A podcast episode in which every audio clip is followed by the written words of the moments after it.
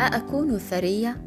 السابع عشر من بودكاست دبس مني أنا حماس دبس مؤسسة صفحة قصة مع حماس أم شغوفة بقراءة القصص لأطفالها وببودكاست دبس بشارككم مشاعر الأمومة لنقدر نعرف أطفالنا صح عليها ويلا نبلش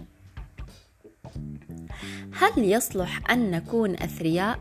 نملك الكنوز والمال الذي نريد نتمنى كنز سليمان وعيشا ليس لأحد كان.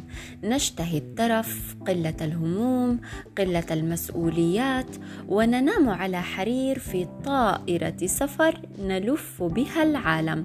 كلندن مثلا أو سويسرا أو النرويج أو أيا كان.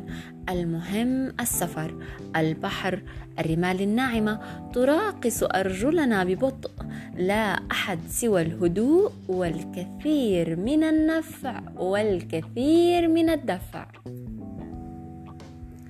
أهو هذا ما قد يراود فكر المتمني الذي يتمنى ويسعى ويحاول.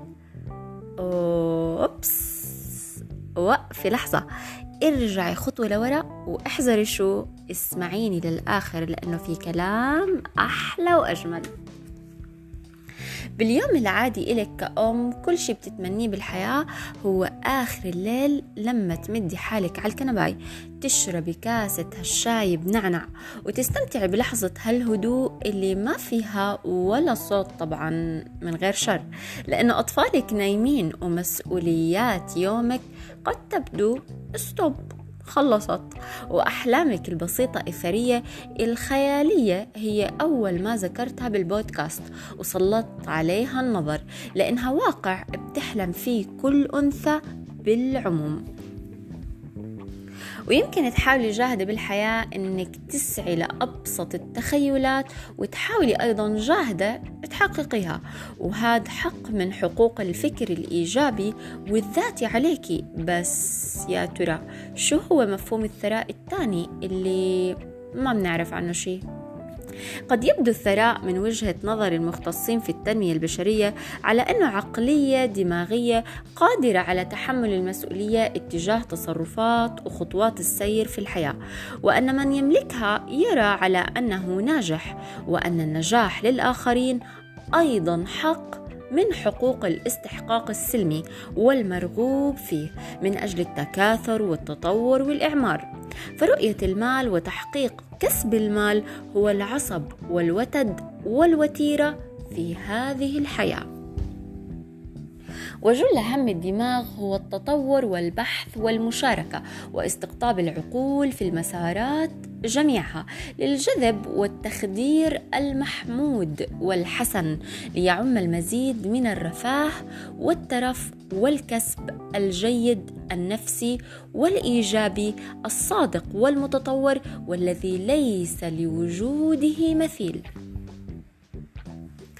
أما من وجهة نظر ال life coach فبالمختصر أن أي سعي صغير جزئي حساس تتخلصين فيه من أي مشاعر سلبية علاقات سامة تجتازين فيه الذات وتحاولين جاهدة وساعية للتطوير والاستحقاق والاكتفاء الذاتي متناغما تماما مع كل حب وود ودعم نفسي وذاتي من روحك لقلبك. فهذا هو الثلاث الثراء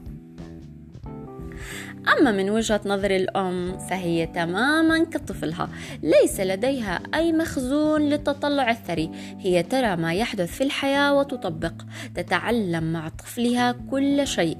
تحاول ببطء أن تغرس فيه كل ما تتمنى وما تمنت. تسعى أن تحقق له ومعه ما حلمت وما كانت تتمنى. لو أنه حدث معها أو كان لها. وأن تعوض نفسها معه على كل طموح إيجابي يجعل من الحياة دروسا أجمل.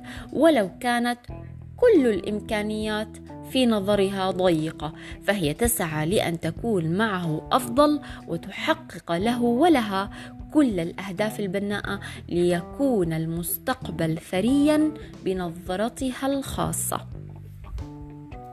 سؤالي إلك يا أجمل أم أي عقل من هدول العقول أنت عقل الثراء كيف بتشوفيه هل هو الثراء المادي هل هو ثراء التنمية البشرية؟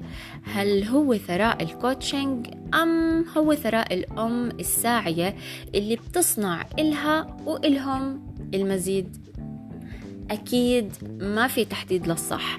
جاوبي زي ما بدك فكري زي ما بدك. أنت الروح والسبب والجنة. أنت الوطن والحضن والأمان. أنت أجمل شي صار بحياتهم. زي ما هم كمان أجمل شي صار بحياتك. وتذكري زي كل يوم إنك أعظم أم بالعالم. وبتمنى لك اليوم كل الحب.